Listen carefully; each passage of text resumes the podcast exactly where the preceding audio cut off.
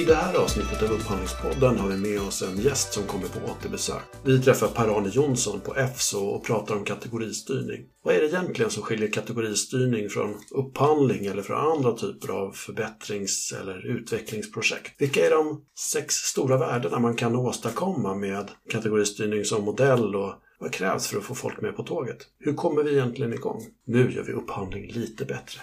Det som skiljer kategoristyrning från alla andra strategiska förändringsprocesser det är att vi vill dra nytta av leverantörsmarknaden. Det är där vi utgår från våra behov men vi hittar ett sätt att jobba med leverantörsmarknaden, dra nytta av kompetensen, möjligheterna, utvecklingen som finns där på ett mer långsiktigt öppet sätt.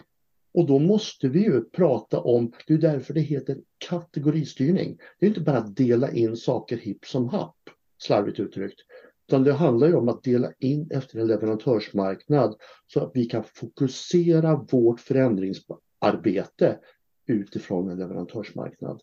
Om det är livsmedel eller om det är hantverkstjänster eller om det är eh, vårdboenden ja, beroende på hur leverantörsmarknaden ser ut.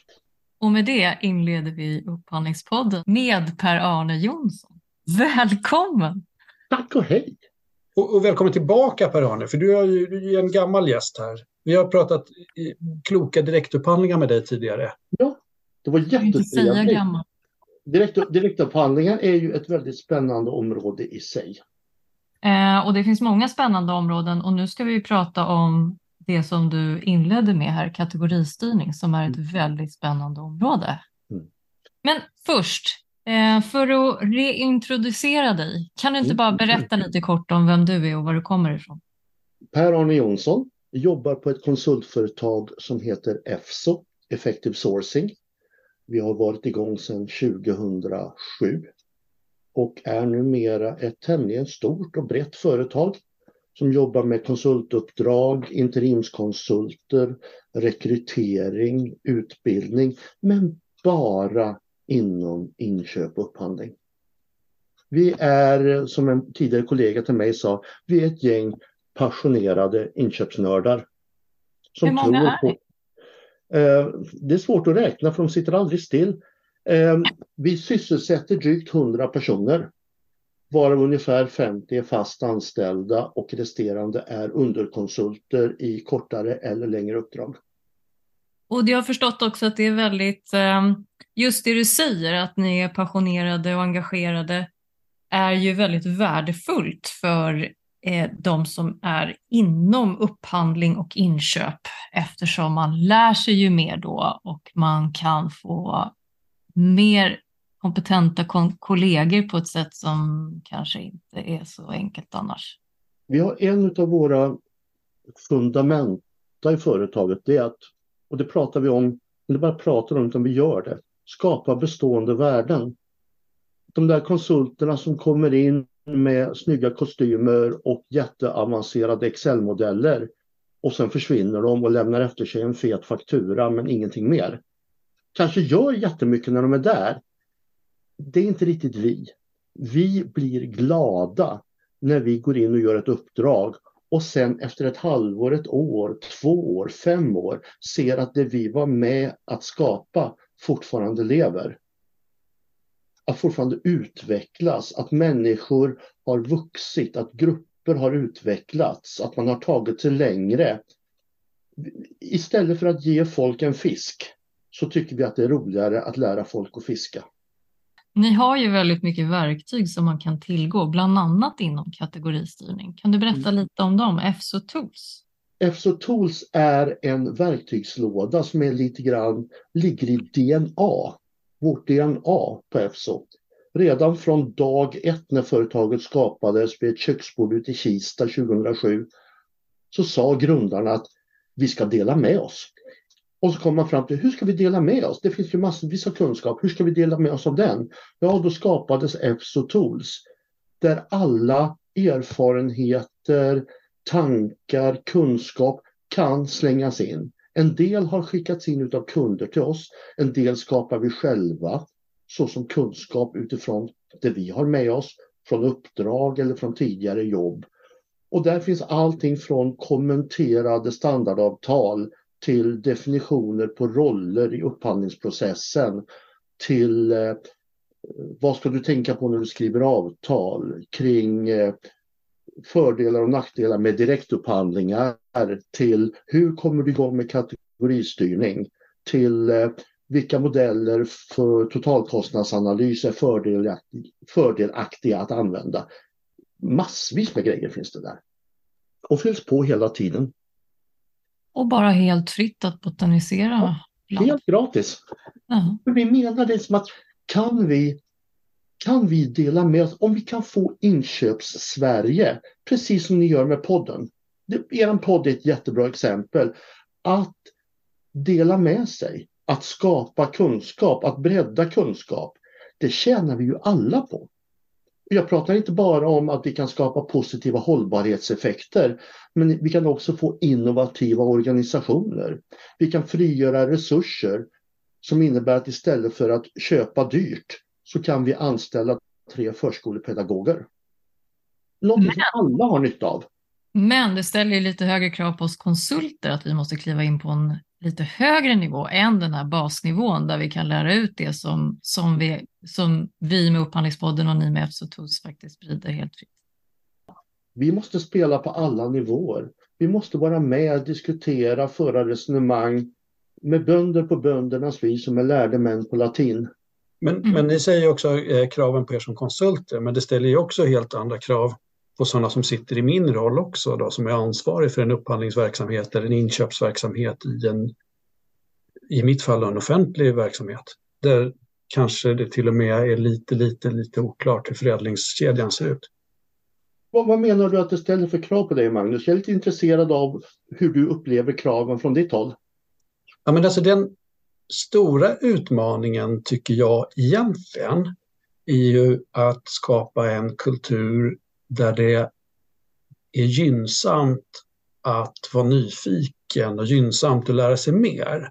Mm. Så egentligen är det ju det som jag vill komma åt. Hur, hur hittar vi, hur hittar vi liksom ett, ett läge där det, där det är roligt att utvecklas och där det är roligt att gräva och om vi pratar kategoristyrning och innan vi satte på inspelningen så pratade vi om något slags steg i, i, i att, att införa modellen kategoristyrning kanske ändå handlar om att specialisera de som jobbar med inköpen eller i alla fall specialisera frågeställningen när man jobbar med vissa typer av inköp. Det vill säga man måste lära sig sin delmarknad eller lära sig den marknaden där man gör ett visst inköp. Liksom. Det tror jag är en jätteviktig del och eh, det är väldigt lätt att man som offentlig upphandlingsspecialist blir väldigt, väldigt duktig på processen och ofta blir rådfrågad och tillfrågad kring den ganska mentalt belastade frågan om LOU. Det är ju så jävla komplicerat och besvärligt och dåliga affärer och dålig kommunikation och sånt där. Och, och, och kan man det där, då blir man liksom tillfrågad i ganska många affärskritiska sammanhang för en offentlig verksamhet. Och ta sig därifrån då in i ett läge där man också har en uppriktig nyfikenhet och ett uppriktigt intresse för de leverantörerna och den leverantörsmarknad man jobbar mot tycker jag är så nästa steg. Liksom. För den är inte självklart lika belönande hierarkiskt eller inifrån, men den är ju väldigt belönande i att man faktiskt lär sig någonting nytt hela tiden. Hur kan jag skapa ett sån kultur som chef? Liksom? Det tycker jag är min stora utmaning. Vad är de flesta människor, inte alla, nu ska jag inte generalisera, jag ska vara lite försiktig här för att här kan man trampa snett. Men jag tror att de flesta människor mår gott av att se goda resultat som man har bidragit till. Jag tror att det finns, inte i alla, men i de flesta människor, så här, det här åstadkom vi, det här gjorde vi. Och kategoristyrning är ju inte, det är inte primärt inriktat på att leva en process, utan det är att skapa ett resultat. Kan man få den att flyga så att det här inte bara blir en stor förvaltningssnurra kan man bryta ner det i hanterbara förändringsbitar och verkligen visa på här skapade vi förändring. Kommunicera och fira förändringen. Jag tror att det är stimulerande i sig. Sen är det liksom någonting du sa som jag är lite nyfiken på också. Det är ju det här med innebär det att när vi jobbar med kategoristyrning att vi måste vara specialister på en kategori? Tänk om det inte är så? Tänk om, om, om jag får dra en läkarparallell utan att kunna någonting om läkarvetenskapen. Men jag har en bekant som är läkare. Han är specialist i allmänmedicin. Och jag försöker förstå det. Hur kan du vara specialist på att vara generalist? Och han har förklarat det för mig genom att jag är specialist på att diagnostisera, att komma framåt, hitta rätt väg och kunna hänvisa personer, remittera som de kallar det för, till eh, rätt instans, om det är en ortoped eller vad det nu kan vara. Och alltså, bara det att vara duktig på att diagnostisera, att kommunicera med patienten, det är specialkunskap. Men, men min, min, min parallell här är att vi som jobbar med kategoristyrning kanske inte måste vara mästare inom just vår kategori. Vi ska kunna tillräckligt mycket, men eftersom kategoristyrning bygger på tvärfunktionell samverkan bygger jag ett kategoriteam omkring mig med människor som kan datakommunikation. Då behöver inte jag vara specialist på olika överföringshastigheter och kommunikationslösningar. Men jag kan vara duktig på att driva processen, ställa rätt frågor, få fram framdrift på väg mot ett resultat med hjälp av de som är duktigare än jag. Men jag tror, så är det. Jag tror att jag egentligen inte är ute efter en teknisk excellens eller stort djup hos den som ska göra ett köp. Och jag tror att visst, man får vara lite försiktig när man pratar specialisering kanske om mm. någonting som är så allmänt. Men i det tvärfunktionella teamet som du beskriver så måste någon ta rollen i att försöka förstå vilka typer av affärsmodeller, affärsupplägg, eh, avtalsstandarder, typiska ersättningsformer och sådär. Mm.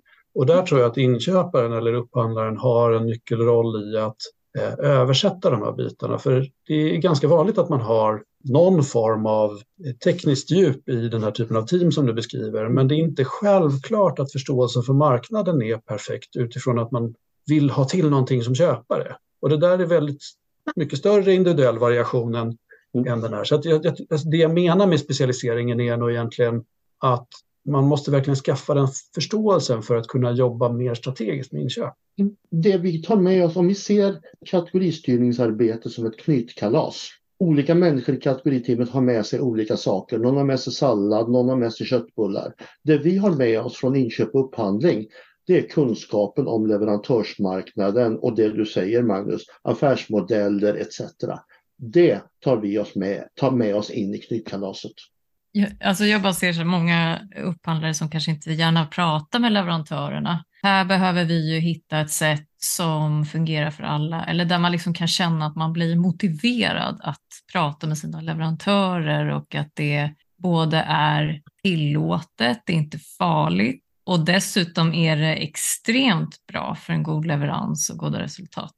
Men Jessica, vad tror du är skälet till att många upphandlare håller armslängds avstånd till leverantörerna? Och jag tror att det har fötts kanske ur någon typ av upphandlingssekretess där man är liksom orolig för att eh, vara, eh, vad ska man säga, inte, inte lika behandlande mm.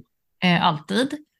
Det tror jag är kanske en del av grunden till det hela. Sen så tror jag också att det är svårt för en upphandlare att parera alla dessa parter i upphandlingar som kommer med önskemål eller kritik eller eh, kommentarer på olika sätt.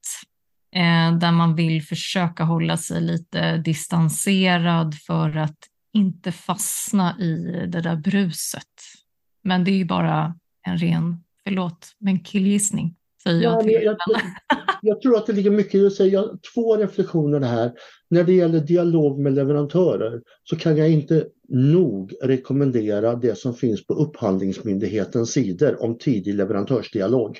Det är en av de bästa grejerna som Upphandlingsmyndigheten har gjort tillsammans med sina baskrav för miljö. Det, det är som jag säger till alla, där har ni kanonbra grejer. Så att läs gärna Upphandlingsmyndighetens, eh, det de har skrivit om tidig leverantörsdialog. Det andra, att hantera alla de här önskemål, inspel från sidan och så vidare. Det sätter ju fingret på vad ska vi som förändringsledare, upphandlare eller kategoriledare eller vad vi vill kalla det för, vad ska vi vara duktiga på? Vi ska vara duktiga just på att hantera det. Förändringsledning, kommunikation, till och med kanske konflikthantering i viss utsträckning. För att det är ju där alla förändrings, alla vi som vill skapa förändring, det är ju det vi lever i. Det är ju det svåraste. Det svåraste är inte att göra en leverantörsmarknadsanalys eller en behovsanalys. Det är inte det svåra. Det svåra är att hantera alla dessa olika viljor. Här tror jag att man har lite av en nyckel i eh, det kategoribaserade arbetssättet, alltså där man eh, utifrån olika marknader kan se olika affärsmodeller som passar de olika leveranserna på olika sätt. Eller hur man, vad man har för eh, utbildning och sätt att kommunicera och sådär. Så att vara inom en kategori och verkligen lära sig den på ett sätt som gör att man lättare kan kommunicera med sina leverantörer. Det måste ju vara ganska befriande för en upphandlare, upphandlare som kanske har tyckt att det är svårt. Men det låter ju som, för då är vi också inne på ett annat spår, eh, det vill säga att man måste inte vara eller måste inte bli specialist i egentlig mening, men mm. däremot så måste man hitta ett sätt att förhålla sig till lärprocesserna. Och man måste också kunna ta ledartröjan och driva arbetet framåt. Det måste vara roligt. Det och yrket måste ju bygga på att lära sig nytt hela tiden. Liksom. Tillägna sig det och på något vis pinna ner det och använda det i sitt sätt att driva en kategori eller driva ett förändringsprojekt framåt. Eller? Jag kan säga det. Jag själv har faktiskt varit kategoriledare för datakommunikationprojekt. Alltså de som vet min nivå på IT och datorer som applåderar när jag lyckas öppna laptopen från rätt håll och säger det bra gjort. När de såg mig som, som mm, mm, du ska driva ett kategoriinitiativ på IT-kommunikation. Mm, lycka till! Men hemligheten här, det är ju att ha en bra metodik. Ha en bra ledstång. Jag tjatar alltid om min förbaskade ledstång. Metodiken är våran ledstång som hjälper oss. Jag gick med ena handen på ledstången och ställde massa frågor längs vägen. Men jag visste vad vi behövde göra i varje steg. Vi behöver förstå det här. Vi måste förstå det här. Och genom att göra det så kunde vi ändå ta projektet till, inte tack vare mig utan tack vare goda människor omkring mig, kunde vi ta det till succé. Jag tänker också att det är lite det här att den som handlar upp ska ju egentligen inte kunna i detalj själva upphandlingsföremål, alltså den, de tekniska detaljerna inom eh, data eller IT eller städning eller vad som helst, liksom, teknisk drift. Utan det handlar väl mycket om att man ska, som du nämnde tidigare Per-Arne, ställa rätt frågor för att komma i mål och få en leverans som tillgodoser behovet. Och här tycker jag att man kan diskutera varför just kategoristyrning? Var, varför, varför har vi inte någonting annat? Och, och, och, så låser man sig vid det här och då säger jag, ja men här har du en process som bygger på klassisk förändringsmetodik. Du har ett strategiskt perspektiv inbyggt i processen. Du har leverantörsmarknaden att utgå från. Du har förändringsmetodiken. Du har genombrottet. Du har kund eller medborgarfokuset inbyggt, resultatfokuset inbyggt. Du har ett tvärfunktionellt arbete som en del av processen och du baserar dig på fakta i ett antal definierade steg. Du har hela den här processen som en ledstång att hålla dig i. Det är en klassisk förändringsprocess. Varför ska vi, bara för att vi ska hitta något annat sätt att jobba, uppfinna någonting eget och lägga massa tid på det? Men om man nu ska dit då, vad, vad hur ska man börja? Vi har pratat om lite olika ingång och om man tänker sig då om, om jag då ansvarar för en, en, en del av, av en verksamhet i offentlig sektor och vi kommer ur en, en tradition när, när verksamheten har sagt att nu, nu är det dags för oss att, att skaffa ett nytt kontrakt för det här. Så här, Nu skickar vi ett upphandlingsuppdrag, nu vill jag att vi handlar upp ett nytt uppdrag och sådär. Hur, hur kommer vi därifrån till att börja jobba med leverantörsmarknaden och hur gör vi en praktisk indelning på ett bra sätt då, för att skapa den här ledstången liksom, för alla och ta sig framåt till nästa steg. Magnus, det låter som du frågar för en vän. Jag har ju redan frågat för en vän tidigare och jag har fått väldigt bra svar, men jag tänkte att det kanske är flera som har vänner som är intresserade. Skämt åsido. Jag tror att det utgår från att det finns ett behov av förbättring och att man inser i organisationen att dagens eller gårdagens lösningar löser inte morgondagens problem. Och om vi tittar på offentlig sektor, vi kan även titta på privat sektor och se kostnadsutvecklingar, kraven på hållbarhet och socialt ansvar. Alla de här nya kraven. Om vi gör som vi gjorde igår så hjälper det oss inte att komma dit vi borde vara. Vi måste hitta ett annat sätt, mer genomgripande sätt. Det är den första insikten och den måste strömma igenom hela organisationen från högsta ledning ner till de som ska göra jobbet på golvet. Vi måste förstå att nej, vi måste nu göra lite annorlunda nu. Där börjar det och sen gäller det att var ska vi börja? Börjar vi på hela, ni vet vad som händer, om man börjar på hela bredden så riskerar man att det blir varken hackat eller malet. Man breder smöret för tunt på brödet. Då är det bättre att säga okej, okay, vi börjar med den här kategorin. För här har vi, här kan vi snabbt skapa resultat som är tillräckligt substantiella för att försvara satsningen.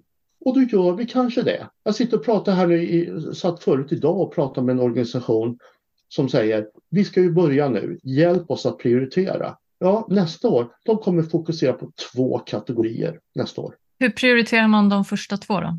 Jag brukar säga det. Den första du gör, den ska du använda för att lära dig. Det måste vara en, bör vara en kategori där du vet att du ganska snabbt kommer att kunna skapa en kategoristrategi som ger resultat. För det ska ju bli ditt skyltfönster. Det är det du ska visa upp. Det är det som ska ge dig själv och din organisation en känsla av, ja men vi kan ju det här. Och vi kan visa upp det för ledningen och säga, titta så bra det blev, vill ni ha mer? Hur utkristalliserar man den då? Spändanalysen. Jag hävdar, och många med mig, man börjar med spändanalysen. Man tittar på var är det vi lägger pengar? Och sen utifrån spändanalysen så tittar man på var har vi potentialer att göra bättre och var kan vi göra det på en rimlig insats? Spändanalys och potentialbedömning. Och då tittar man på potential och genomförbarhet och så ser man ja, vi kanske inte ska börja med eh, byggentreprenader. Vi kanske ska börja med eh, lokalvård. Det är lagom stort. Ja, men det är ju, det är ju mer pengar i byggentreprenad. Ja, men det är å andra sidan bra mycket komplexare. Det kanske inte är vårt första övningsstycke. Eh, Jag var i en organisation där man började med telefoni. Och han som drev det, att vi skulle börja med telefoni, han fick ju frågan, ja, men, nu är du ganska feg va Ola? Det där, det där vet du att du kommer lyckas med. Ja, sa Ola, det är just därför jag väljer det. För då kan vi gå till ledningen och säga vi lyckades. Och då vill de ha mer av oss. Mm. Ja, det är bra Eller... Men är det då man gör en kraljik? Nej, kraljik kommer sen. Jag tror att vi håller på att eh, snöa in oss på kraljic. Kraljic är bara ett av många hjälpverktyg för att förstå våra leverantörers relation till oss. Jag tror att det finns, om vi tittar på kategoristyrningsmetodiken så finns Kraljic med när vi gör leverantörsmarknadsanalysen, självklart. Men det finns många andra verktyg som är lika viktiga. Men det är ju alltså en, en metodik för att få fram vilka högriskleverantörer man har, eller högriskinköp man har och hur flaskhalsar ser ut och sådär. Och vad som är stridbara produkter. Den är ju kopplad till riskanalysen som också är en viktig del. För vi har ju många typer av risker att hantera. Allt från avbrottsrisker till risken att hamna i Uppdrag granskning till, ja, hur många risker som helst. Eh, men Kralic fångar en del av det perspektivet. Jag vet att många organisationer är jätteförtjusta i den gamla gode Kralic. Men jag säger, det är bra verktyg i sammanhanget. Mm. Jag börjar alltid spända Vad köper vi? Från vem köper vi? Hur mycket köper vi? Vilka är det som köper? Då kan man till exempel hamna om man sitter och jobbar med, låt oss säga en kommunkoncern med ett antal olika bolag. Så helt plötsligt så gör man en spännanalys för hela kommunkoncernen och upptäcker att alla bolagen plus förvaltningen köper ju tekniskt material. Fast på helt olika leverantörer och på helt olika avtal. Tänk om vi skulle tänka tillsammans på det här. Eller som vi upptäckte i en ganska stor svensk kommun där man köpte måleritjänster. Där det visade sig att de olika bolagen konkurrerade om samma leverantörer. Vad var effekten? Jo, man drev ju upp priset på grund av att det var brist på eh, måleritjänster. Så man drev ju upp priset, för man belade de här få målerileverantörerna under exakt samma period på året. När man väl insåg det, när vi satt tillsammans i rummet och pratade om det här och la det här upp på bordet och man tittade på mig och sa så här kan vi inte göra. Och så började man internt i kommunkoncernen säga att vi måste ha ett schema så att vi sprider ut våra köp över året. Vilket innebär att leverantören får en rimlig belastning och vi får en bättre prisbild. Varför gör man inte det i större utsträckning? Varför tar det sån tid? Är det för att man inte ställer frågan eller är det för att eh, det är ett förändringsarbete som innebär att man måste gå på tvärs mot invandrarmönster. eller beror det på att det är utanför ens normala beslutshorisont eller vad, vad handlar det om? För resultatet är ju uppenbart. Liksom. Jag kan väl citera, vilket jag ofta inte kanske gör, men jag ska citera Karin Boye i inköpssammanhang. Visst gör det ont när knoppar brista. Varför skulle annars våren tveka? All förändring med andra ord gör lite ont. Jag kan bara titta på mig själv. Jag är urusel på min egen förändring.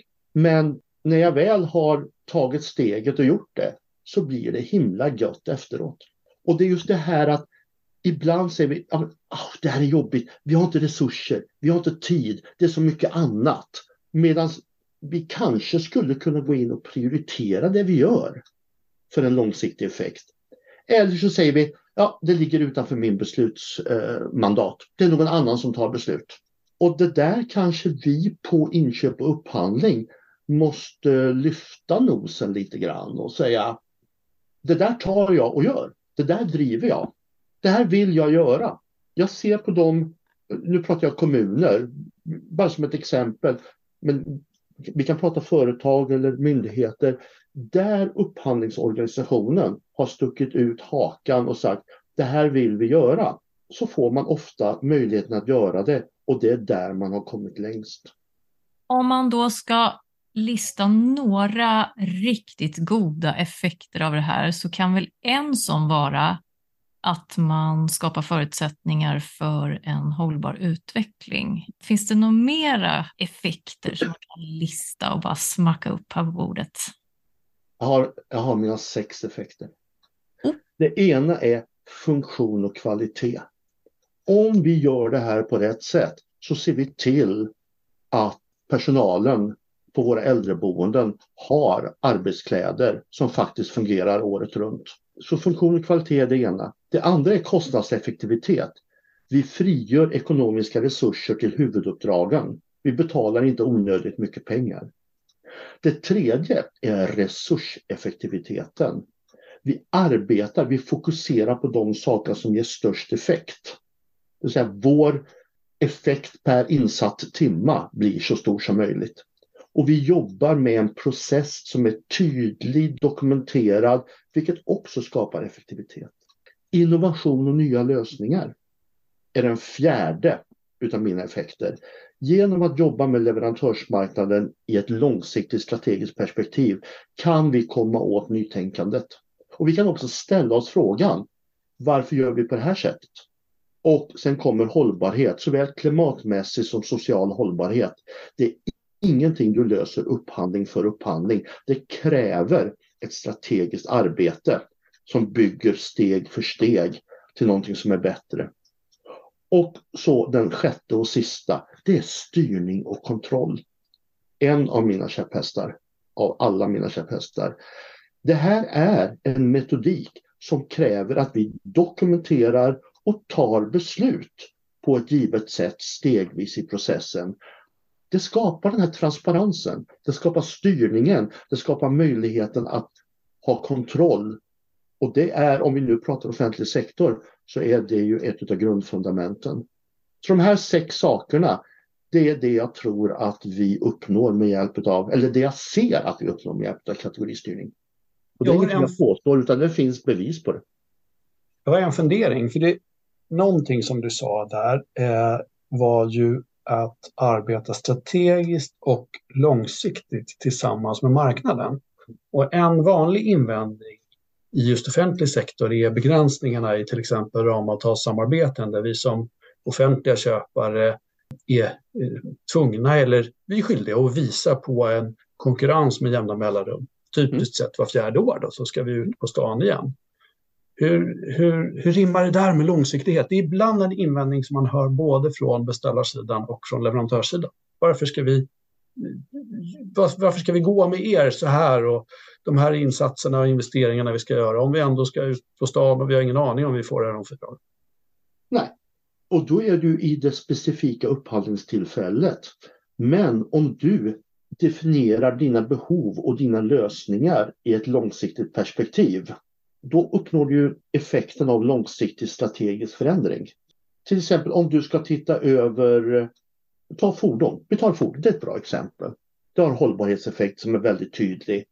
Ja, det är kanske många olika saker du måste göra där konkurrensutsättningen bara är en liten pyttedel av det hela. Det handlar om, om vi pratar kommun igen, det blir så enkelt för mig för jag jobbar, jag tycker så mycket om att jobba med kommuner. Eh, titta över eh, de interna rutterna i kommunen, hemtjänstrutterna.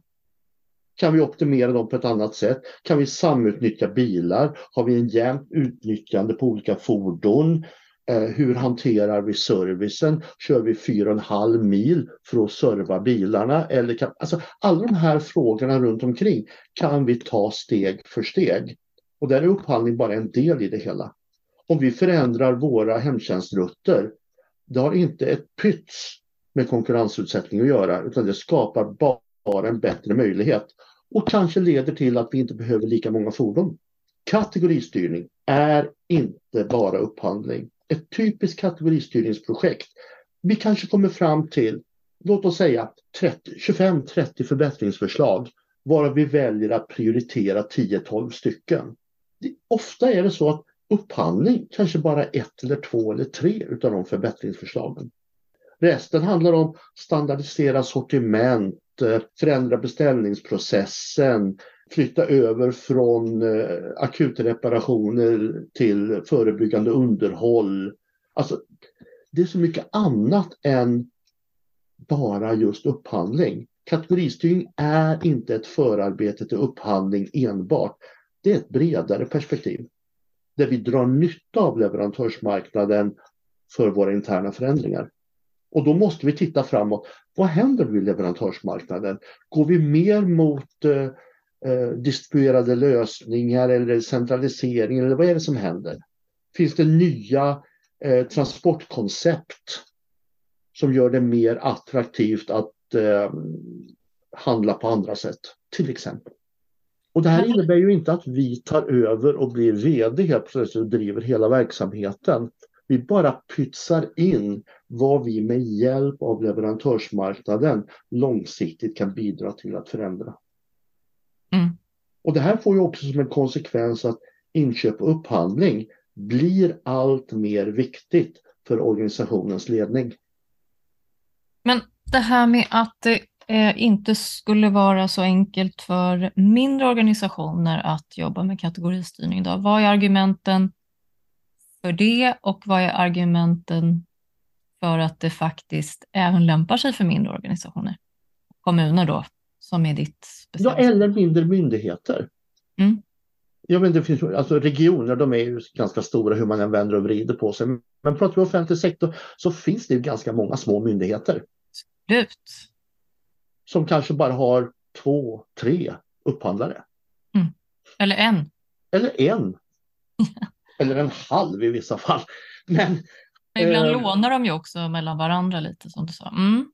Men tittar vi på det här, vad är utmaningen för en mindre organisation? Jo, det är ju det att effekten i förhållande till insatsen. En, en, liten kommun, det är ju mindre pengar. Den största kategorin kanske inte är mer än 90-100 miljoner kronor. Så att den effekten procentuellt sett vad det ger i pengar i förhållande till insatsen. Mm, där brukar man liksom stöta på, liksom, ah, okej, okay, om vi nu ska satsa så här mycket, vi får ändå inte ut mer än, eh, låt säga, 7-8 miljoner i den här kategorin. Och det är ändå de stora kategorierna. Det är det ena. Och det är kopplat till att det är begränsade personella resurser. En liten organisation har ju inte hur mycket folk som kan allokeras för att jobba med det här. Och sen är det väl också så att, inte överallt, men ofta är det så att i en mindre organisation kanske man inte riktigt har den här kunskapen om kategoristyrning. Man kanske har fullt nog med att jonglera upphandlingar. Hur gör man då, då om man har den? Fördelarna är så många häftigare och större. I en mindre organisation så har du så nära till ledningen. Du, du, du snubblar över kommundirektören vid kaffeautomaten. Det gör du inte kanske i en kommun typ, eh, jag säger Göteborg. Det är liksom inte chansen att du snubblar över kommundirektören och, och sätter dig och, och, tar en fika med henne eller honom. Det är liksom inte riktigt lika självklart som upphandlingschef. Och det hänger ihop med att hela den interna kommunikationen är så mycket enklare. Det är färre personer jag behöver kommunicera med. Jag ser dem nästan varenda dag i en liten organisation. Jag möter dem. Jag, jag vet vad de heter. Det är inte självklart i en stor organisation. Det underlättar ju också det tvärfunktionella arbetet för man är van att jobba ihop. Man vet att i en liten organisation så kan du inte bara vara specialist utan du måste vara beredd att jobba lite grann över dina, utanför din roll. Man är van att jobba ihop för så, så är man tvungen att göra. Och steget till att få beslut är också som en konsekvens mycket kortare. Man kan mycket enklare säga, ja men då gör vi så här då. Och det får mycket snabbare genomslag än om du ska försöka få ett genomslag i eh, Västra Götalandsregionen. Det tar lite längre tid. Vad är de? 50 000 anställda någonting i Västra Götaland. Så att för en mindre organisation så tror jag lösningen är prioritera rätt kategorier. Ta en sak i taget, bit inte över för mycket. Utveckla inte en massa komplicerade processer, håll dig till en enkel grundprocess.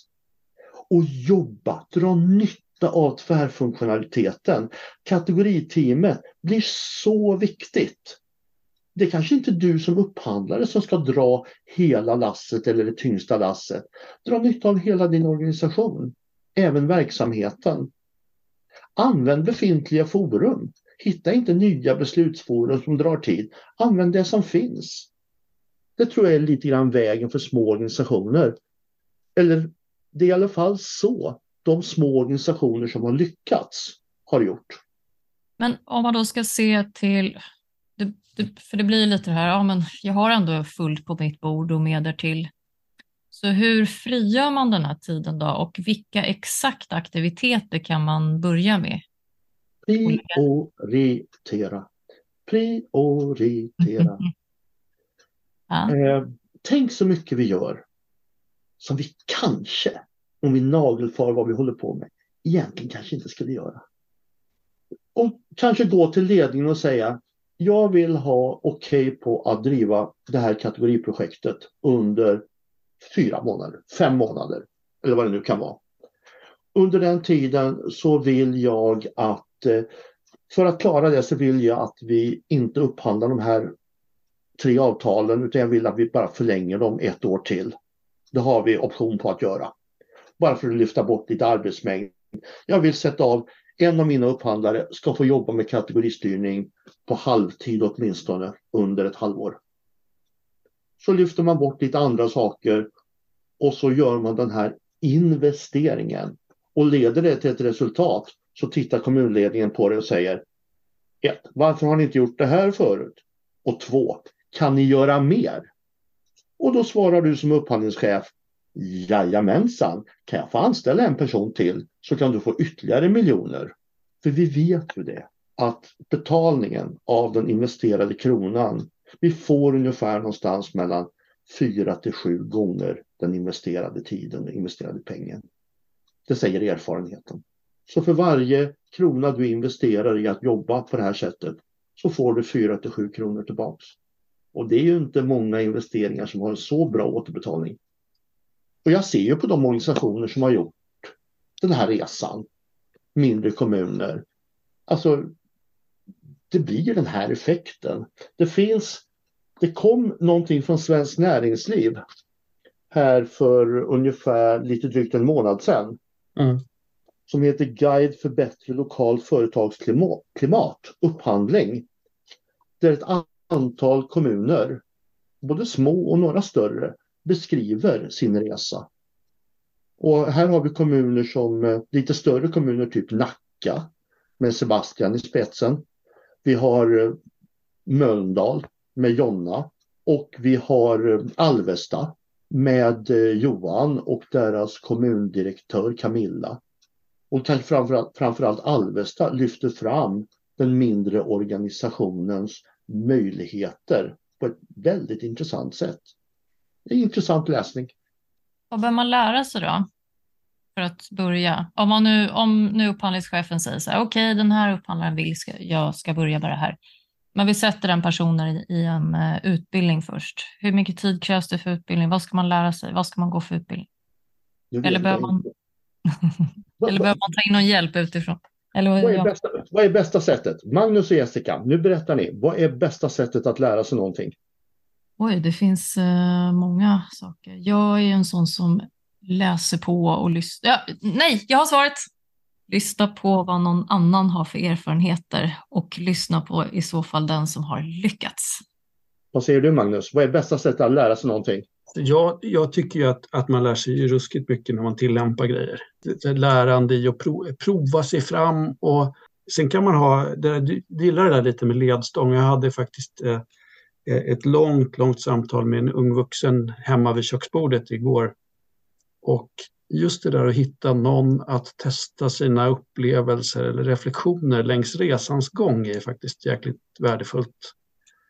Någon som kan någonting om området. Men, men just det där att prova sig fram och testa sig fram, se vad det går bra eller mindre bra. Men ibland behöver man kanske hjälp att sätta sakerna i perspektiv. Mm. Om man tror att man kör i väggen av fel skäl eller att man har gjort någonting fel som är stort eller tvärtom litet och man missar en detalj och sånt där. Så, att, så att det kan ju också vara bra att ha någon med sig och ska säga, inte hålla i handen är fel uttryck för det låter så jäkla hjälplöst. Men, men någon att, att um, prata med. Formulera sina prata. Någon att prata med. Bra Jessica, ja. jag håller med dig. Någon att prata med. Någon att prata med och fråga. Prata för sjutton med Alvesta kommun. Eller vad var det du sa? Ja. ja. Hur lärde ni er att köra bil? Eh, jag provade, eller jag fick ju lära mig då av min pappa. Han visade och jag mm. gjorde. Va? Visst var det så? Mm. Hur var det för dig Magnus? Jag känner igen det där, men jag, hade, jag fick också eh, köra min morfars gamla bil på tomten när jag var åtta år gammal. Så att jag, jag vet inte riktigt om jag har... Men det var ju prova sig fram. Och det här, alltså jag, tror, jag tror väldigt mycket på bilskollärarmodellen. Jag vet hur jag lärde mig att köra bil. Det var en gammal savannfärgad Saab V4. Jag kommer fortfarande ihåg registreringsnumret, det är det som är så fruktansvärt. Men det var så här att far satt vid ratten och jag satt bredvid. Och så åkte vi ut och körde på en lördag eller en söndag och så sa far, nu ska jag berätta vad jag gör och varför jag gör det. Så körde han och sa, nu närmar vi oss en korsning, nu blinkar jag, nu växlar jag ner, men jag måste vara försiktig med kopplingen. Så han, han mer eller mindre pratade sig igenom vad han gjorde. Sen en vacker dag så gick inte far och ställde sig vid förardörren, han ställde sig vid passagerardörren. Och så slängde han nycklar till mig och så sa han, nu kör du pojk. och det var på, det är preskriberat nu, men det var på den stora park parkeringsplatsen uppe vid Saab i Trollhättan. En söndag eftermiddag tror jag det var, lördag eftermiddag, söndag eftermiddag. Det var tomt. Bilen hoppade fram några gånger. Men far sa, nu gör du det här, nu gör du det här. Och så körde vi där ett antal eftermiddagar tills jag började lära mig manövrera. Han ställde ut lite koner och sånt här. Och hela tiden så hade han handen på handbromsen ifall det skulle gå snett. Och sen körde vi ut på den där vägen. Och sen så hela tiden så instruerade han mig och sa okej okay, nu närmar vi oss korsningen, vad ska du göra nu?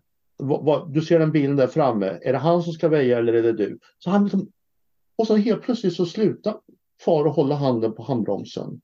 Han slutade ställa massa frågor till mig.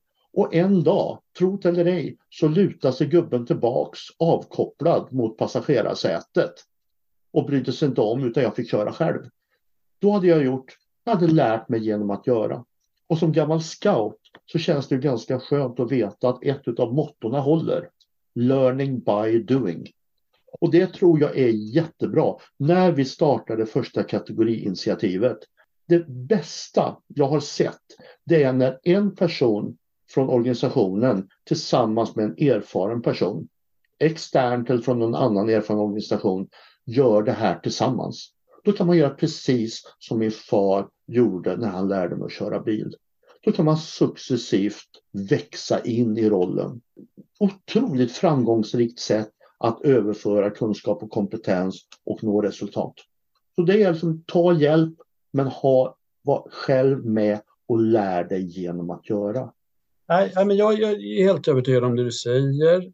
Min enda fundering är, och jag, alltså det är precis egentligen samma fundering som Jessica hade också, det vill säga få loss den här prioriteringen och eh, du hade ju ett par bra tips där också, inte starta nya forum och sånt där. För lite frågan i en, i en trygg förvaltande organisation som kanske inte haft så stort förändringstryck eh, eh utifrån är varför det är värt insatsen att prioritera eller driva någonting på tvärs mot vad vi faktiskt är ganska bra på att göra. Duktiga, trygga yrkesmänniskor som kan förvalta det som finns på ett klokt och bra sätt. Låt oss ta regioner, för där har jag en siffra. Underskotten i regionerna i Sverige, budgetunderskottet ungefär 20 miljarder. Vill vi säga upp vårdpersonal eller vill vi hitta andra sätt att hantera det här budgetunderskottet? Nej, men du, du har helt rätt i det och jag tror det kanske är det förändringstrycket som också gör att upphandling kanske inte, eller inköp kanske inte bara får kliva fram utan faktiskt måste kliva fram och göra någonting utifrån att vara både förändringsagenter och ofta en del av organisationen som ser konsekvenserna av olika beslut i andra delar av organisationen eller hur flöden hänger ihop för att man jobbar med båda grupperna. Liksom. Så det är ju bra förändringsagenter så också.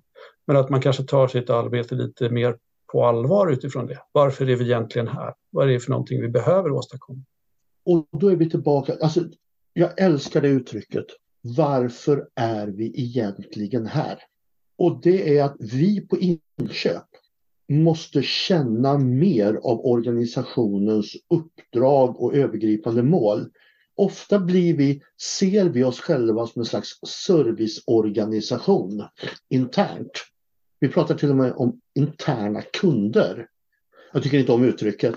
Men om vi ser det som verksamheten har som mål och uppdrag, om vi känner oss som en del av det, då helt plötsligt så känner vi att då kan jag inte bara nöja mig med att leverera en okej okay upphandling. Om jag ser att jag med hjälp av leverantörsmarknaden, om vi jobbar på ett annat sätt, även om det är jobbigt för mig, så känns det ändå mer motiverat att kliva fram och säga, men vet ni vad, vad händer om vi gör så här istället? Och det här är ju återigen varför det är enklare i mindre organisationer. För då kan du ta den dialogen på ett enklare sätt än om du pratar om att göra en förändring i en, en stor myndighet eller region eller några av våra stora mastodontkommuner.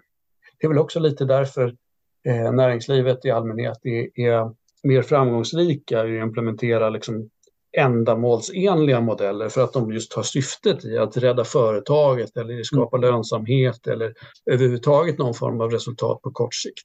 Mm. Och det kan ju vara så att resultatmålen i stora delar av offentligheten inte har varit så synliga eller tydliga eller, eller ens kommunicerade förrän kanske nu då.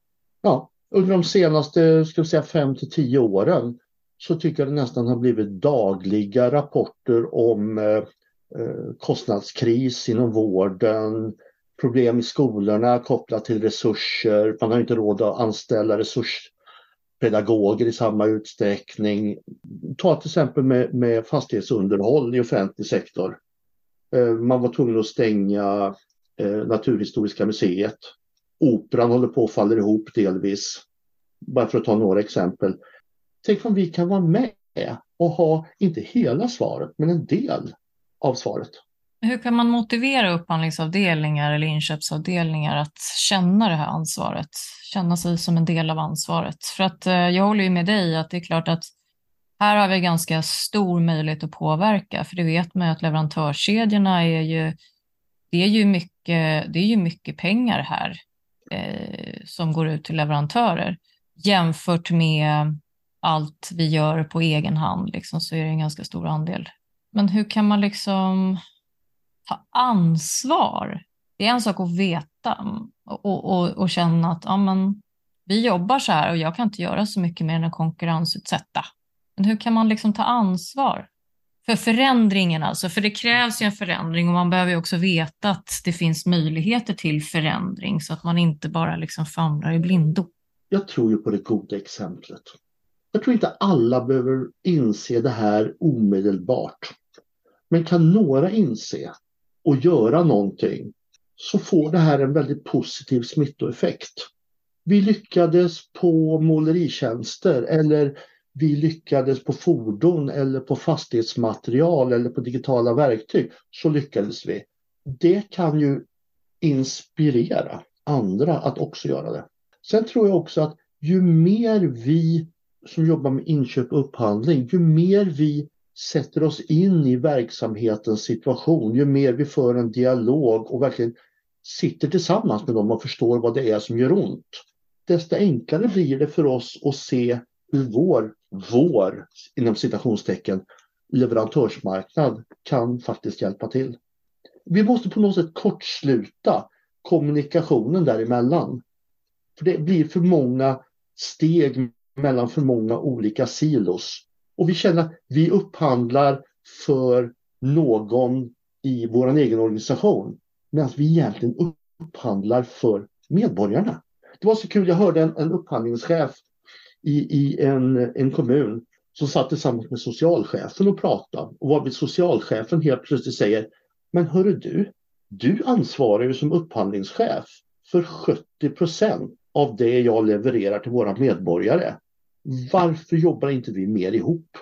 För det är ju faktiskt så att med åren så har vi på inköp, upphandling, kommit att ansvara inom citationstecken för en allt större del av det som direkt berör medborgarna. Precis som du säger, den rörelsen har ju varit oavsett vilken ideologisk idé man har, om man ska driva saker och ting i egen regi eller om man ska låta outsourca eller ha det kvar outsourcat, så är det klart att både konkurrensutsättningsskedet och, och styrningen och uppföljningen och sånt där, den, de momenten finns ju med så fort det är någon annan som ska göra det. Och, och förstås styrningen och managerandet av det, den finns ju i egen regi också. Men så här ser det ut och det är en verklighet ja. vi får förhålla oss till. Att, så att vi måste på något sätt i våra organisationer koppla ihop upphandling och verksamheten i den frontlinjen betydligt mer. Och därför är den tvärfunktionella aspekten av kategoristyrning kanske en av de viktigaste beståndsdelarna. Vi kan inte sitta och, ursäkta uttrycket, snickra upphandlingar själva. Vi kanske måste säga att upphandlingen är ett ett av många verktyg till att skapa en förbättring. Och hur gör vi det tillsammans? Hur kan vi mixa verksamhetsförändringar, digitalisering, upphandling? Hur kan vi mixa det här så att vi tar de här verkliga stegen? Jag tror att det är där vi måste vara med mycket mer och kategoristyrning är ett sätt att erbjuda organisationen någonting som organisationen inte tidigare kanske har jobbat med på samma sätt. Spenden är förstås nyckel, att veta vad och hur och, och hur mycket. Och vem, inte minst, som, som köper. Um, är din uppfattning att de flesta idag har den typen av redovisningskrav och redovisningssystem där det är möjligt att dra spänn, även om man inte haft det som metod från början? Eller är det ett jätteprojekt? Det är absolut möjligt. Om vi säger för en medelstor svensk kommun det finns relativt standardmässiga kategoriträd man kan använda.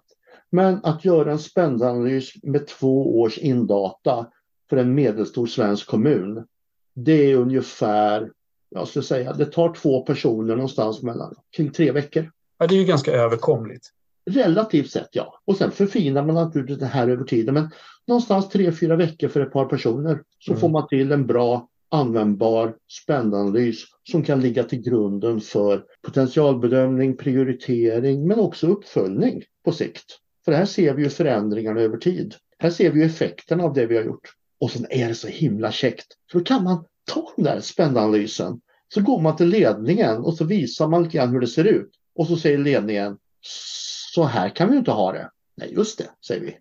Vi satt med ett, eh, ett fastighetsbolag faktiskt och så fick vi då, eh, vi fick tio minuter på ledningsmötet och visa spännanalysen.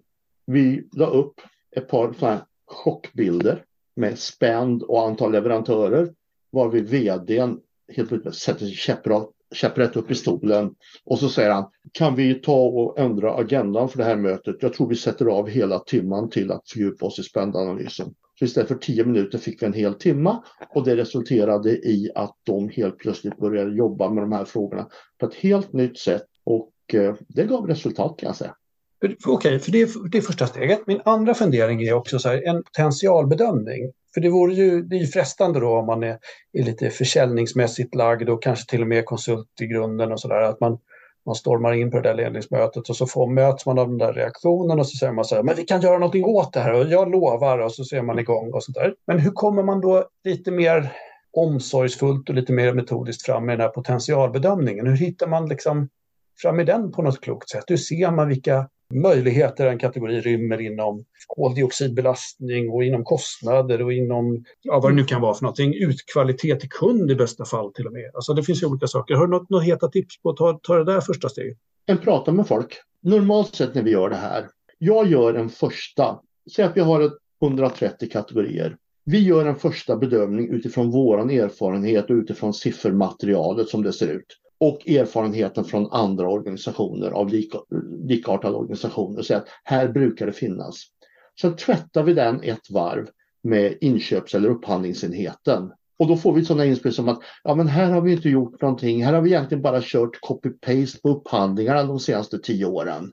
Eller här vet vi att det är jättemycket gnäll från, eh, från den förvaltningen och så vidare. Och så tar vi med oss det och så förädlar vi och sen går vi ut till de tyngre förvaltningarna och sätter oss med nyckelpersoner på IT, nyckelpersoner på fastighetsförvaltningen, på eh, socialförvaltningen eller vad det nu kan vara och säga vi tror att det ser ut så här, vad är er bedömning? Och då kan det hända som det gjorde i en kommun. Varför har ni satt så låg potential på den här kategorin? Det här borde vi kunna göra mycket mer. Vi är urusla på det här tycker vi själva. Här kan vi faktiskt göra betydligt bättre. Och då får du en förank, tvättad och förankrad potential som du sen kan gå till ledningen och säga att ja, vi tror på tre till fem års sikt så tror vi att det kan finnas ungefär i den här storleksordningen 40 och 60 miljoner på tre till fem års sikt. Givet den här insatsen, hur känns det? Och då måste man vara jätteförsiktig så att de inte bara hör 60 miljoner för de har nämligen en tendens att de hör bara den högsta siffran och de hör inte att jag sa 3 till 5 år. Utan helt plötsligt så tar de det här på första årets budgeteffekt och då är det inget roligt längre. Jag har lärt mig av det misstaget. Sen är det ju inte rätt eller fel, det är ju en bedömning. När du väl börjar jobba med kategorin så inser du en massa saker. Ja, det kan vara mer, det kan vara mindre. Hållbarhetseffekterna kan ju vara större. Men också de effekter vi uppnår beror ju på vilka mål vi fokuserar på. Fokuserar vi som vi gjorde i en kommun primärt på hållbarhetseffekterna på fordonsparken och inte tycker att kostnaderna är lika väsentliga utan sagt vi ska åstadkomma hållbarhetsförbättringar utan att öka kostnaderna. Det var inte frågan om att sänka kostnaden. Det fanns inte ens på bordet. Det är hållbarhetseffekten vi vill komma åt. Eller möbler i en annan kommun. Vi vill se hållbarhetseffekter. Vi vill se effekten i form av återcirkulering, återbruk etc. Sen råkade vi naturligtvis åstadkomma en hel del besparingar för vi behövde köpa, köpa färre möbler. Men det var inte huvudsyftet. Men säg då att du lyckas allokera tid för en, en upphandlare som ska börja i det lilla här då, på 50 procent som du mm. nämnde. Och så behöver ju den här upphandlaren då ha ett tvärfunktionellt team, mm. eller hur? Mm. Hur ska ledningen agera? För det utgår jag ifrån behöver komma från en top management. Liksom. Ja. Eh, hur, ska man, hur ska man göra för att eh, få de här tvärfunktionella engagemangen? Hur får man människor att bli engagerade? Det är frågan. Och det här är ju en förändringsfråga, för de kan ju vara väldigt engagerade på det sättet som de redan är. Men att man kanske inte känner att men jag har inte tid att börja förändra och jobba annorlunda just nu, utan nu håller jag på med ett annat förändringsprojekt här borta. Liksom. Eller... Men då måste det komma uppifrån att vi får allokerat resurser. Och det innebär inte att vi bara lägger ytterligare jobb på en person som redan är fullbelagd. Den personen måste lyftas bort från en del annat. Och det är, det är ju ett, det är ett beslut som tas av på chefsnivå och ledarnivå. Vi måste prioritera även här. Mm. Sen kan det ju hända så, det är ju det som är lite, jag tycker det är lite skoj. Att eh, det kan vara folk som kanske börjar säga, jag har inte tid med det här, jag har inte tid med det här. Sen går det ett tag och så blir de de som är mest engagerade. Jag blev en gång, fick en liten telefonpåringning från en bolags-VD i en kommun. Och så sa han det, vad fara håller ni på med på era tvärfunktionella kategorimöten? Mina medarbetare går hellre på dem än på de mötena jag kallar till. Bra, sa jag, då har vi lyckats. Ja, precis. Då har den där rosenknoppen brustit för länge sedan. Smärtan är över. Och då är det lite grann så här att det, för jag frågar folk och då sa de ja, men vi känner ju att vi faktiskt kan vara med och påverka. Mm. Vi känner att de där sakerna som vi har gått i flera år och velat göra, nu har vi helt plötsligt ett forum där vi kan föra fram dem, få beslut och det vi vet att det här kommer få prioritet för att genomföras och kraft för att genomföras. Och de vill ju bara äntligen. Så det var ju en ganska häftig effekt. Det är inte alltid man får den, men när man får den blir man glad. Och det kan röra sig om eh, skolmåltidspersonal som helt plötsligt blir hörda när vi driver ett projekt kring skolmåltider. Det kan gälla fastighetsskötare, det kan vara områdeschefer inom lokalvården, det kan vara skolkoordinatorer. Ja, det kan vara som helt plötsligt så kan de vara med och påverka och det många människor tycker faktiskt det är väldigt kul. Men om jag hör dig säga några saker då, så här, vi pratade tidigt om så här, finns det något egentligt alternativ till att jobba kategoristyrt? Inköpsorganisationen behöver vara förändringsdrivare i sammanhanget. Och man måste jobba med, med fakta, man måste jobba med siffror, en analys av verksamheten ändå. På någon mm. form av nivå. Den behöver inte vara vansinnigt detaljerad, men man behöver ändå ha stora tag om vad som ger störst effekter. Och så sa du också något intressant, att inköps funktionen är en integrerad del av verksamheten. Det är inte en serviceorganisation i organisationen. Jag tror det är en jätteviktig tanke.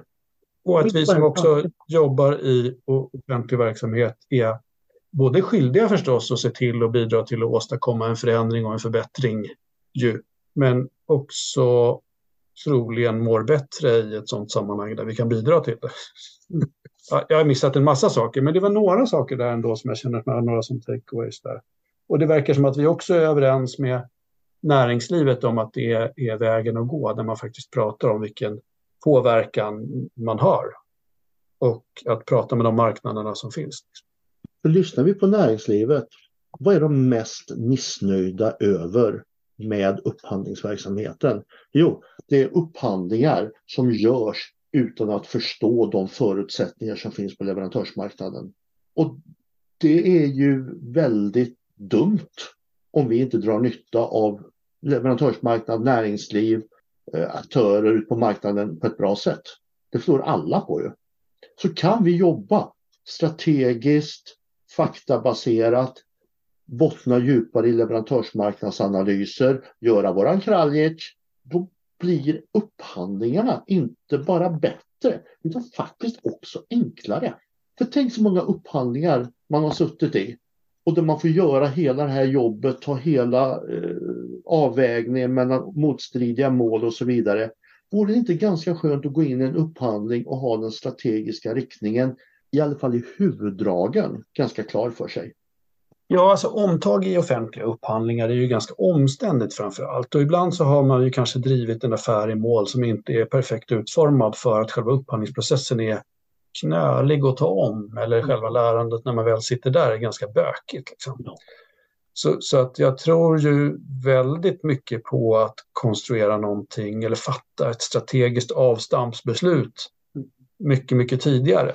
Mm. Där det liksom också är ofarligt att göra de här bitarna. För det är ingen som kommer att slå en i huvudet skriftligen eller hota med en prövning som vi vet tar åtminstone sex månader. Utan det, det, är, liksom, det är möjligt att hantera i en ganska vettig dialog. Och, och den kan man ju vara helt öppen i eller en smula misstänksam om man tycker att det verkar vara någon som vill utforma det till sitt eget mm. fördel för mycket. Liksom. Men man kan i alla fall ha den. Och jag tycker att man lär sig alltid någonting på den. Liksom. Sen tror jag så finns det ett, jag pratar ju om man pratar om de olika hållbarheterna. Man pratar om ekonomisk hållbarhet, pratar om eh, eh, miljömässig hållbarhet, vi pratar om social hållbarhet och försörjningshållbarhet också. Och jag vill lägga till ytterligare en och det är den medarbetarhållbarheten. Jag blir allt mer inser som, en gammal, eh, som ett gammalt gråskägg så börjar jag inse att människor som börjar jobba inom inköp och upphandling idag kanske har lite andra ambitioner, lite annan syn på saken. Man vill vara med och påverka, man vill göra avtryck. Man vill skapa förändring på ett annat sätt än eh, vad det kanske var tidigare. Och vi ser en relativt hög personalomsättning inom många olika upphandlingsorganisationer. Och jag tror att en del utav det inte allt, men en del av det beror på att man känner att man inte får den friheten och möjligheten att påverka och göra avtryck. Mm, det, här kan vara ett, det här kan vara ett sätt för våra medarbetare att må bra. Vad tror ni? Det tror jag absolut. Ehm, jag tror att för ju mer vi pratar, desto mer så känner jag att kategoristyrning är ju ett hyfsat etablerat arbetssätt som är beprövat. Mm. och som ger tydliga resultat, vilket gör det till en enklare modell att följa än att eh, försöka uppfinna hjulet mm. själv.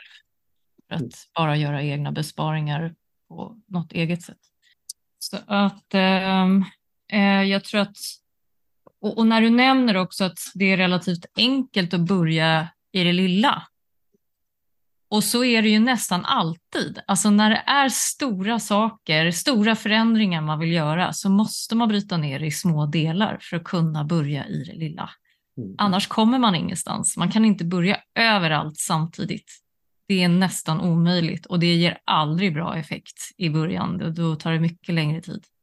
Det här låter ju ja, jag, jag ska inte låta som att jag aldrig har jobbat, för jag har själv varit eh, mm. strategiskt ansvarig för ett, en kategori tidigare och det var bygg, vilket är en väldigt stor kategori ofta. Och det var det här också. Men jag, jag skulle säga att på många sätt, så precis som du säger, så låter det ju som att man dels får utvecklas själv, vilket är ett stort mänskligt behov hos många, inte hos alla. Nej.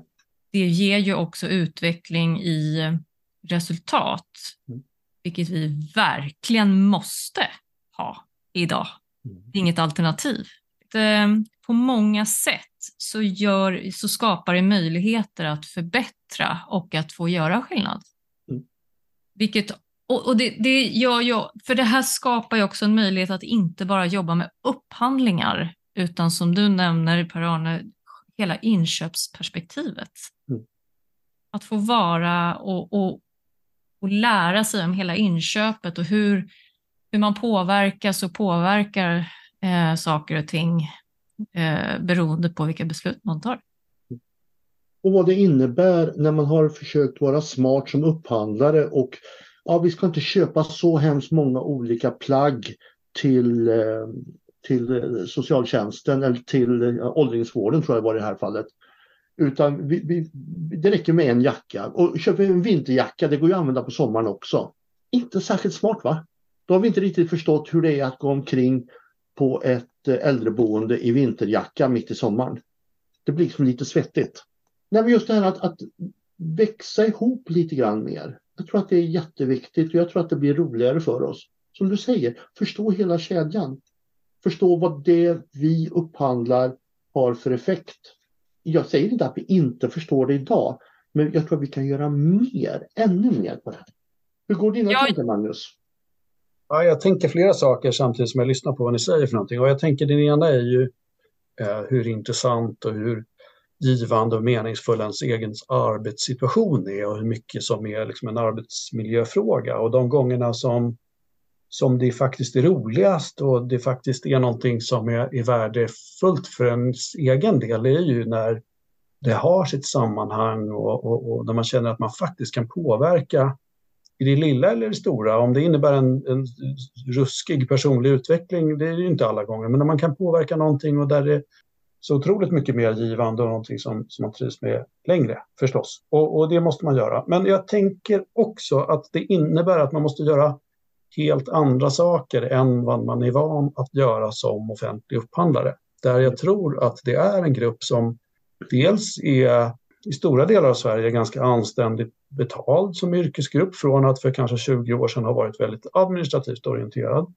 Och, och, och där man då på något vis eh, i just det här liksom processansvaret, den som kan liksom, de delarna till att börja göra andra saker. Liksom. Det är en, en utmaning, det tror jag. Så att det, en sak är ju alla unga förstås. Jag menar, det är ju klart, då kan man ju komma in i en annan kultur och ett annat arbetssätt. Men, men, men det är klart att det finns ju väldigt många upphandlare som, som behöver göra annat kanske än vad man kanske gör idag. Eller så är det kanske så att... Eh, och upphandlingschefer ska jag säga. Och jag helt, inte bara upphandlare. Jag är helt övertygad om att det finns upphandlare som om de får möjligheten, oavsett hur länge de har jobbat, om de får möjligheten så kommer de tycka att det här är underbart. Ja. Men samtidigt så är jag helt övertygad om att vi behöver upphandlare som är upphandlare med stort U. Ja, och som bara är, bara är riktiga gedigna upphandlare och gör upphandlingar som är briljanta. Alla behöver inte vara, alla ska inte vara strateger. Nej, och det håller jag med om. Sen, sen tror jag också en annan sak som, eh, om man nu ska beröra de mänskliga behoven och eh, trivas på sin arbetsplats och sådär, så, så tror jag att ett misstag som vi gjorde när vi jobbade, eller där jag jobbade kategoribaserat eller kategori, kategoristyrt var att eh, vi jobbade ganska isolerat. Visst, tvärfunktionella team, absolut, men inom upphandlings och inköpsorganisationen så var vi väldigt isolerade från varandra. Eh, så de olika kategorierna var väldigt isolerade från varandra. Sen hade vi gemensamma möten och så där en gång i månaden eller vad det kunde vara. Men jag tror att misstaget vi gjorde var att inte vara mer enade inom inköp också. För där kände jag att man blev ganska ensam. Liksom. Jag tittar på ett gott exempel i Region Sörmland-Västmanland med sin gemensamma inköps och upphandlingsorganisation. Där jobbar kategoriledaren som ett team. De lutar sig på varandra, de nätverkar, de problemlöser tillsammans och är rejält proffsiga alltså. I kraft av varandras styrka. Ja, vad kul att du säger det. Vi intervjuade ju Pia Larsson i ett av avsnitten tidigare eh, som är därifrån. Mm. Pia och Ann-Sofie och hela det gänget med, med killar och tjejer som jag tycker, som jag har en stor respekt för deras kunnande och hur de jobbar. Och de har ju också en ganska lång erfarenhet på chefsnivå från att ha jobbat med kategoristyrning i andra organisationer. Jag tycker det de gör är väldigt, väldigt spännande. Inte minst det här stora riskanalysarbetet de har gjort på alla sina kategorier. Som jag tror är, eh, det är föredömligt.